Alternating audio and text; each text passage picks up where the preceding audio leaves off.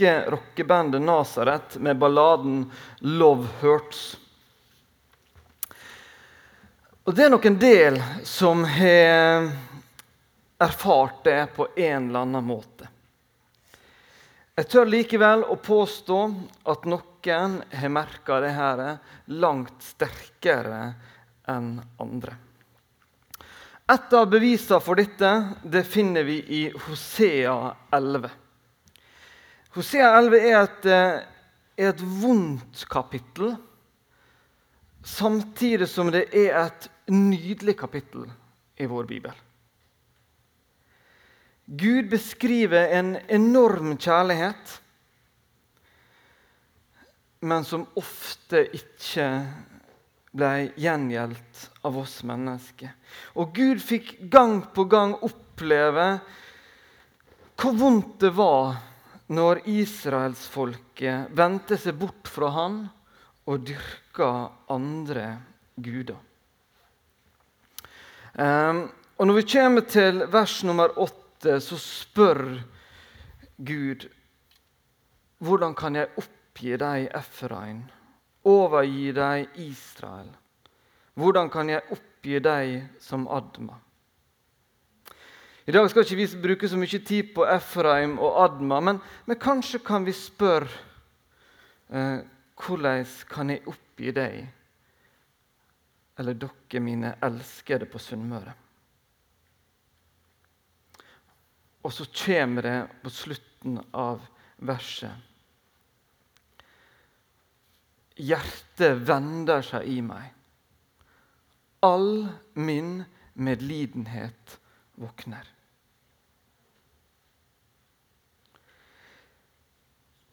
Tenk for et uttrykk det er. Når Gud ser sine kjære barn kave med synd i livet sine, og hva dette medfører for våre liv her på jord, så sier Gud at det, det vender seg i hjertet på han. Det er så mye smerte. Men så våkner all guddommelig medlidenhet og vil omslutte deg og meg i denne situasjonen. Jeg snakka flere søndager denne høsten om Guds hjerte, eller Jesu hjerte.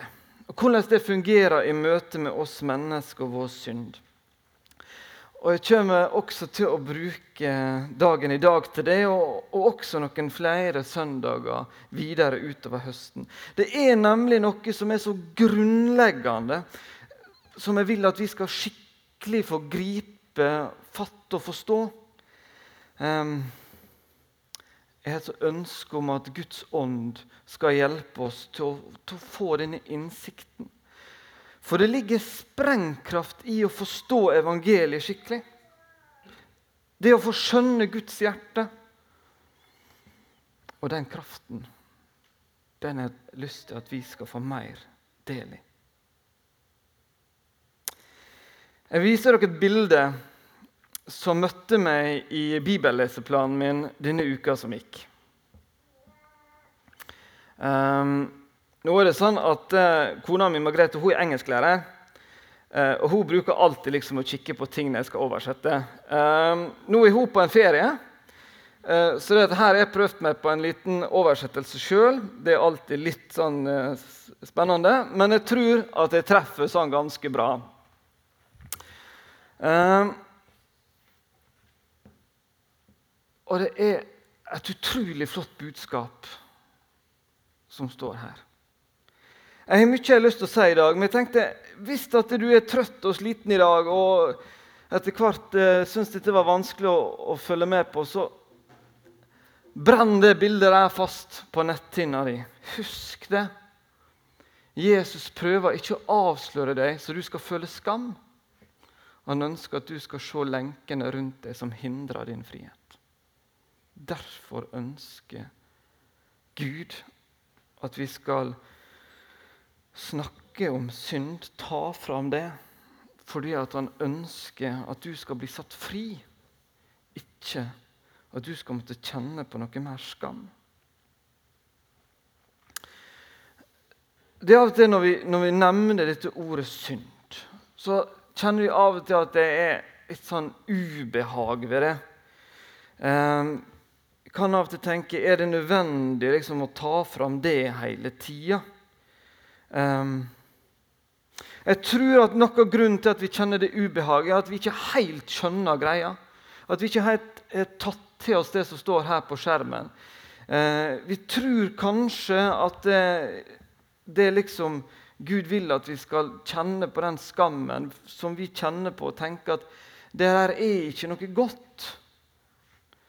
Vi har ikke helt tatt inn over oss at grunnen til at vi må ta det fram, er fordi at det er så ødeleggende for vår frihet. Vi tenker kanskje at hvis vi holder dette her litt for meg sjøl, ikke tar det så fram, så, så på en måte slipper det å få sånne konsekvenser for livet mitt. Men så er det motsatt. For den synda gjør faktisk noe med oss. Den holder oss nede. Den stikker med friheten vår. Vi gir oss sjøl en bjørnetjeneste om vi ikke vil ta dette fram. For den får ikke mindre makt over oss om vi snakker mindre om den.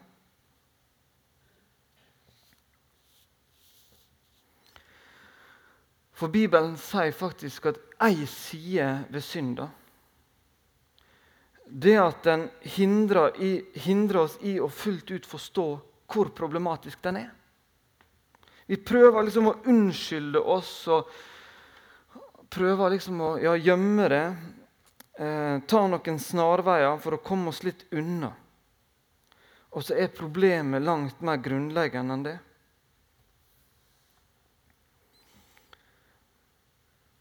Det står i Romerbrevet at der synda er stor, er nåden større. De av oss som har levd sammen med Jesus en stund, kanskje pugger det bibelverset en eller annen gang. Ehm, men så er det å forstå det, hva dette betyr. Vi ser i verset fra Hosea at Guds hjerte vrenger seg. Guds vrede over synda er nemlig stor. Hans hat mot synd er intens. Også den større enn hva vi forstår. Jeg skal prøve meg på et bilde. Fordi at vi mennesker vi ser at det er ondskap i vår verden. Um, den ondskapen den, den, gjør noe med oss. Vi, vi syns at det er vondt å se. Uh, og den får oss til å kjenne på noe medlidenhet i møte med de som lider. Men så må vi også innrømme at vi klarer å se ondskap uten at det får så store konsekvenser for oss. Uten at vi gjør så mye med det, uten at vi kjenner på en så veldig medlidenhet, så, så må vi nok innrømme at vi klarer å se ondskap. Men hvis vi da ser for oss noen som ikke klarer å se ondskap uten at det gjør noe her inne. Noen som er 100% god, så vil, det, så vil det gjøre vedkommende ekstremt opprørt å se alt som ikke er slik som det skulle vært i denne verden. Alt det vi må kave med av synd i våre liv. For Gud så er det nemlig slik hans hellighet gjør at han, han er helt god. Og, og, da å se det som er av ondskap i denne verden, vil frembringe noe som er mye sterkere enn vi mennesker klarer å kjenne på. Det er grunnen til hans vrede hat mot synd. Men samtidig, den som kjenner på mer vrede over det vonde i verden, har også mer medlidenhet med den som står i dette her, som kaver med synda. Sånn at Gud kan ha en medlidenhet med oss som er større enn vi er i stand til å fatte. Klarte vi å forstå det? Kanskje en måte å se det på eh, Hvis en far eller en mor opp, opplever at barnet er alvorlig sykt, så vil medlidenheten bare øke til mer sjukt dette barnet er. Til mer vi ser hvor dette barnet kaver. Det, det, trenger ikke være, eh, det trenger ikke være et barn. Det kan være noen som du er glad i, som, som er, er sjuke. Så vil dette frambringe en, en sterk medlidenhet. Samtidig som det kan frambringe en, en sinne over at denne sykdommen skal finnes. Hvorfor skal det være sånn? Jeg tror at vi kan ane noe av Gud i det her. Fordi at han ser hva dette ødelegger for oss, så er han så imot det. Det en så sinne og vrede mot synda.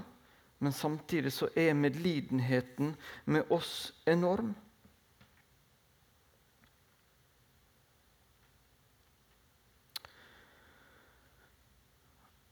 Og her er det en ting som er litt viktig å få fram.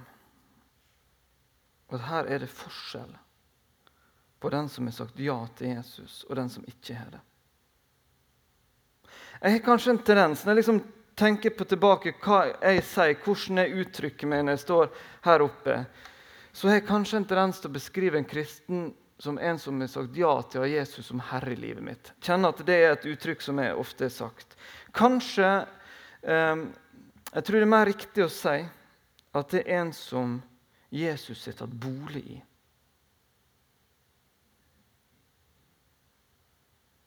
Og for et menneske som har opplevd det at Jesus har tatt bolig i ham, så har han altså en Jesus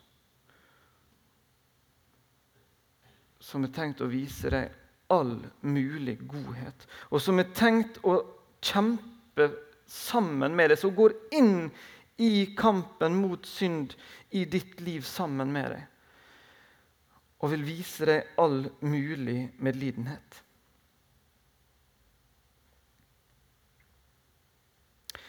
Fordi at det, Hvis vi tenker tilbake eh, noen hundre år Kanskje vi husker litt av, av disse her eh, kampen om, i reformasjonen. Noe av det som Martin Luther sto i. og Det er for så vidt vært sånn etterpå med, men, men, da var det mulighet å få et sånn avlatsbrev. Du kunne, du kunne kjøpe deg nåde. Du kunne betale, eh, og så fikk du liksom et brev på at eh, du fikk tilgivelse.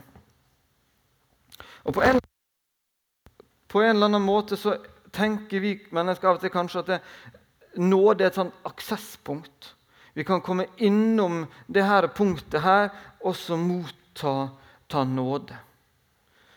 Men det er ikke slik det fungerer. For nåden er ikke en ting. Det er ikke noe vi kan ta en tur innom. Nåden er en person. Nåden er Jesus Kristus. Nåde er at han har tatt bolig i oss. Og lever ut en enorm medlidenhet med oss og kan tilgi oss det gale vi gjør. Og Da ser det kanskje litt annerledes ut, dette her med, med hvordan vi tenker om synda i vårt liv. For det er fort gjort å tenke sånn at det er noe som er flaut å nevne. Det er ting i mitt liv som ikke jeg har lyst til å, å snakke med noen om. Av og til betegner vi det som noen, som noen litt mørke avkroker. Noe som ikke er så bra. Tenker at det, hvis jeg holder det for meg sjøl, så slipper jeg liksom å møte Gud med det her. Og så slipper jeg å kjenne på denne eh, skammen. Men hvis vi skjønner at for den som er tatt imot Jesus, så er han inni her. Han kjenner hele oss. Han vet alt som rører seg inni her. Og så sier Hosea 11 at han har ikke tenkt at dette her skal være skamfullt for oss. Det vrenger seg i han at, han at, vi må ha det sånn. Men han har lyst å vise oss all mulig medlidenhet i det vi står i. Og tilgi oss alt det gale. Sette oss fri. Det er det han vil.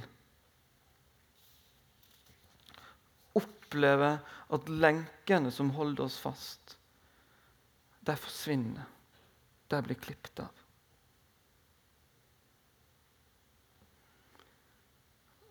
Romerne 7,17 så står det så er det ikke lenger jeg som gjør det, men synden som bor i meg.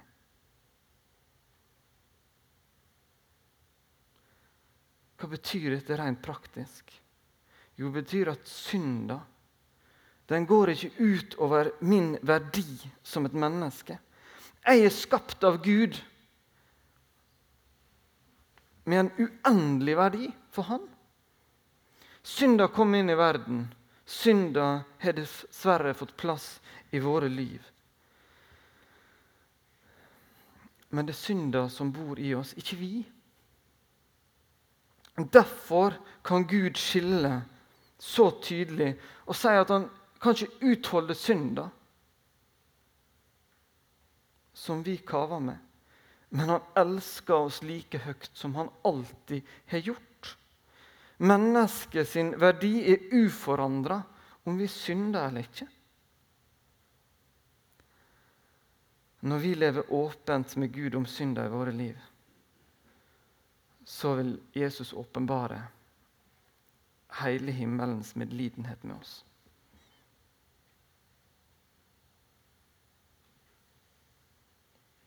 Hosea 11, i likhet med Matteus 11,29, som har vært litt sånn hovedvers for oss denne høsten. Så får vi se i disse tekstene et glimt av Guds hjerte og av Jesu hjerte. Gud kan ikke gi opp sitt folk. Han kan ikke glemme det. Han er Gud, og vi mennesker er hans mest dyrebare skapning. For han så har han nok fått oppleve at love hurts.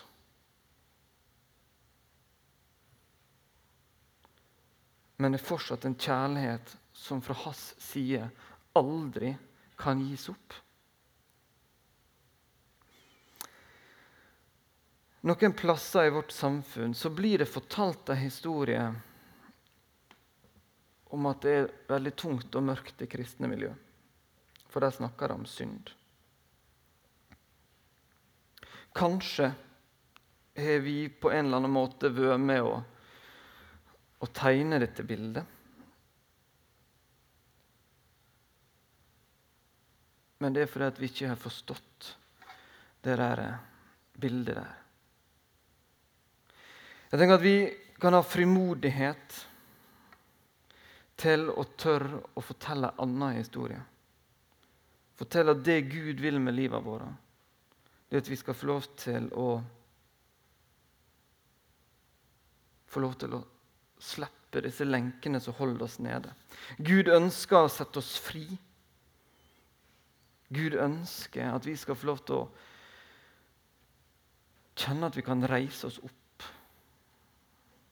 at det som holder oss nede av synd, av skam, kan slippe taket.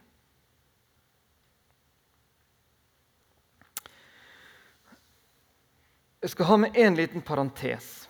For kanskje tenker du at ja, men hva med det her med helliggjørelse? da? Hva med det at Jesus jobber i meg med den synda jeg har, og ønsker at jeg skal få lov til å ha en utvikling i livet mitt? Og det er det absolutt. Og det som jeg har snakka om i dag, er ikke eh, noe som, som sier at helliggjørelsen er uviktig. På ingen måte. For Gud elsker oss så høyt at han har tilgitt oss. Samtidig så elsker, elsker han oss så høyt at han vil at vi skal få lov til å ha en utvikling i livet vårt, at vi kan ta noen skritt i retning å bli mer lik Jesus. Og det gjør av og til litt vondt. Det er ting som han trenger å jobbe med i våre liv, som eh, på noen tidspunkt gjør litt vondt. Eh, jeg har hatt et lår som ikke har fungert helt som det skal nå siden slutten av, eh, slutten av juli. Jeg har gått en del ganger til fysioterapeut. Eh, opplever at han eh, skal til å ta i, og så sier han unnskyld, og så trykker han til. Eh, og det er ganske vondt, eh, men det er nødvendig for at dette her låret mitt forhåpentligvis skal fungere som det skal etter hvert. Eh, hadde ikke jeg tålt den der midlertidig korte smerten der, så er ikke det sikkert det hadde blitt bra. Og Sånn er det litt med måten også Gud jobber i våre liv. Han vil at vi skal ta noen steg. Han vil at vi skal måtte jobbe med noe. og Av og til så kan det gjøre litt vondt en stund. Til det beste for vår framtid og frihet. Parentes slutt. Det ville jeg at vi skulle huske i dag. Det var Hosea 11. Og Ta deg gjerne tid til å lese hele det kapittelet når du kommer hjem igjen. likhet med Matteus 11 så er dette noen kapittel der vi kommer litt innafor. Der vi ser hvordan Guds hjerte og Jesus hjerte er. På den ene sida et sinne og fortvilelse over synd. Bibelen bruker dette ordet vrede, som vi ikke ellers treffer så ofte. Både pga. Guds hellighet, men fordi at han ser hvor vondt dette er for oss mennesker. Også på den andre, andre sida en enorm medlidenhet med vi som står i det. En Jesus som har sona all verdens synd for å kunne ta bolig inn i oss, bo i oss og følge med oss i den kampen. Gud ønsker at vi skal kunne snakke om synd. Ikke fordi at vi skal kjenne på en, på en skam eller usmak med oss sjøl på noen måte.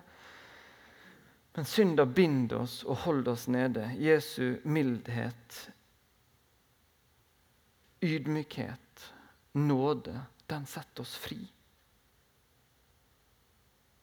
Når vi forstår denne medlidenheten, denne nåden, dette som Jesus vil med våre liv, da kan vi virkelig bli satt fri. Det håper jeg at vi kan få lov til å kjenne på og merke i våre liv. For der ligger det mye kraft. Amen.